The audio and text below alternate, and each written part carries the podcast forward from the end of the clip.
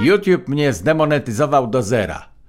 Dziękuję za odwiedzanie cejrowski.com łamane przez patron.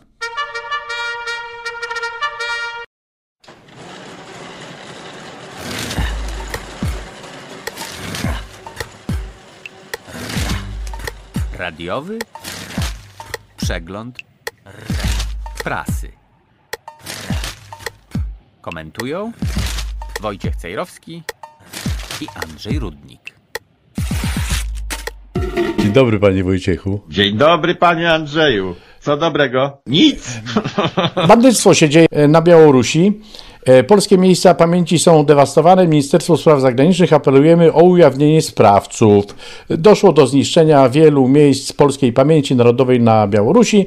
Apel do władz białoruskich o natychmiastowe ukrócenie aktów wandalizmu na cmentarzach oraz o ujawnienie i rozliczenie sprawców. Teraz pytanie jest takie, panie Wojciechu. No. Łajdactwo się dzieje, niszczą te miejsca pamięci narodowej, ale taki apel, proszę pana, to jak pisanie na berdyczów. No gdzie No Łukaszenko wskaże, proszę pana, tych sprawców i, i co, może ich rozliczy, tak jak tutaj się apeluje? To ministerstwo ma No coś w głowie? Chciałem mówić to samo co pan, że Ministerstwo Spraw Zagranicznych jest beznadziejnie kompromitujące. Pisze No apele właśnie. do dyktatora, zamiast wykonać jakieś działanie, które byłoby dotkliwe dla tego dyktatora i on by dyktatorskim swoim dekretem ukrócił, a do tego jeszcze wyremontował i wysprzątał.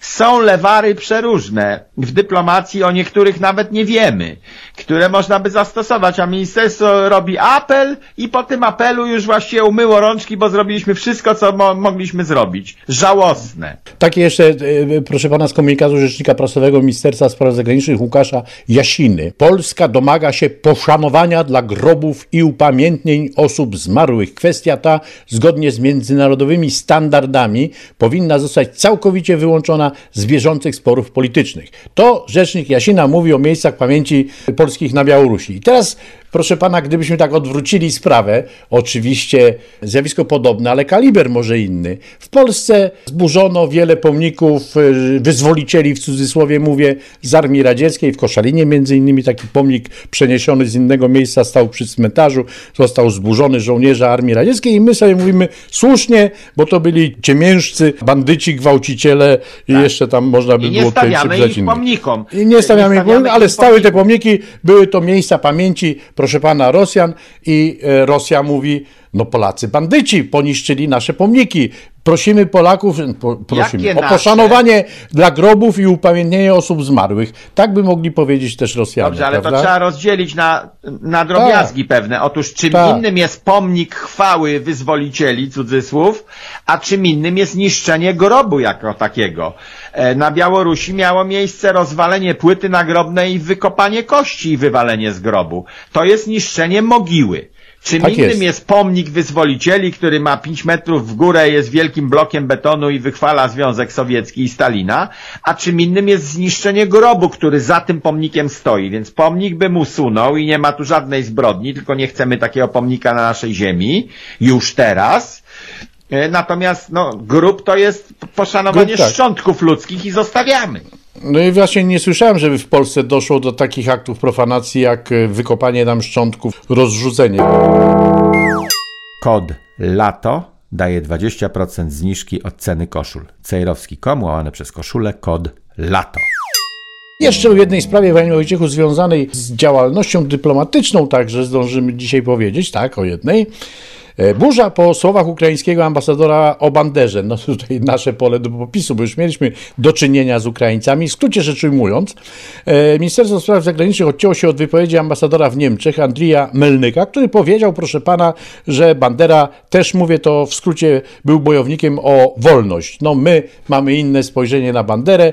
Ministerstwo Ukraińskie e, Spraw Zagranicznych odcięło się od słów tego ambasadora Melnika, ale Widział pan, jakie jest uzasadnienie stosunków polsko-ukraińskich, że no teraz jest wojna, to nie można mówić tak z podtekstu, wynika o tych sprawach zadawnionych, y, bo to drażni. No i taki Tak. ambasador, jak mówi o Banderze, y, to też drażni Polaków, ale przecież Bandera do czasów wojny był uznawany, pewno jeszcze jest na Ukrainie, właśnie jako ten bohater narodowy, bojownik o wolność Ukrainy. No, ale teraz proszę pana, zamyka się oczy na to wszystko, bo jest wojna. No właśnie. Zależy kto na co patrzy.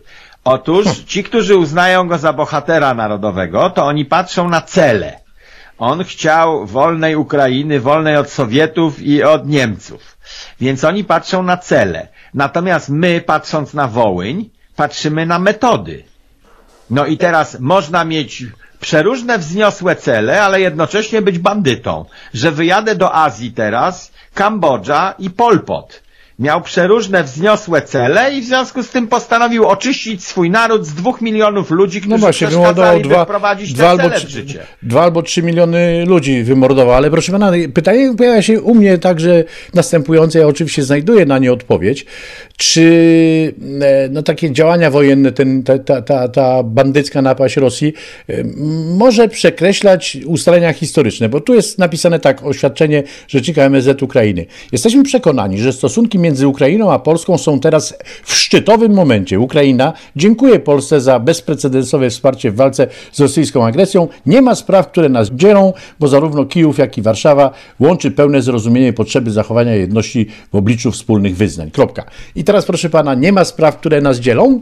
To jest nieprawda. No to więc jest właśnie. lukrowanie rzeczywistości. To Jest nie cała- można tak mówić. Trzeba jakoś no nie dyplomatycznie można, no to ująć. Cała masa spraw, które nas dzielą, cała masa interesów, które nas dzielą i dzieliły nas przed wojną, one nie przekreślają relacji międzynarodowych, można gadać.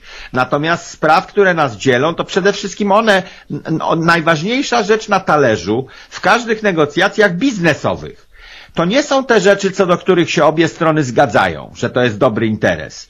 Tylko w negocjacjach handlowych czy dyplomatycznych w tym przypadku, najważniejsze rzeczy to są te, które nas dzielą, że mamy inną opinię w danej sprawie, bo jak tego nie dogadamy, to cały ten interes się rozwali. No i mówienie przez szefa dypl- dyplomacji y, ukraińskiej, że opinia, jaką ambasador w Niemczech wygłosił w rozmowie z niemieckim dziennikarzem jest jego własną i nie odzwierciedla stanowiska Ministerstwa Spraw Zagranicznych Ukrainy. Tak to ja jest. od razu pytam, dlaczego nie wyleciał z pracy, skoro jest ambasadorem i on ma wygłaszać stanowisko, Stanowisko? swojego kraju, bo na tym ambasador Oczywiście. polega. A w takim razie jakie jest stanowisko oficjalne, bo tego też nie podali. On No, bo- powiedział o banderze różne rzeczy, natomiast oni mówią, to co on mówi, to nie jest nasze stanowisko. Dobrze, a jakie jest wasze stanowisko? Sytuacja jest niezwykle skomplikowana. Nie ulega wątpliwości, że to, co się dzieje i co spowodowali Rosjanie, to straszna sprawa, no ale te sprawy związane z historią wrócą i zobaczymy, jaka będzie opinia na temat na przykład bandery, kiedy się sytuacja uspokoi, także na Ukrainie. Dzisiaj musimy kończyć. Dziękujemy Państwu za uwagę. Do usłyszenia. Bye! Był to radiowy przegląd prasy. Komentowali Wojciech Cejrowski i Andrzej Rudnik.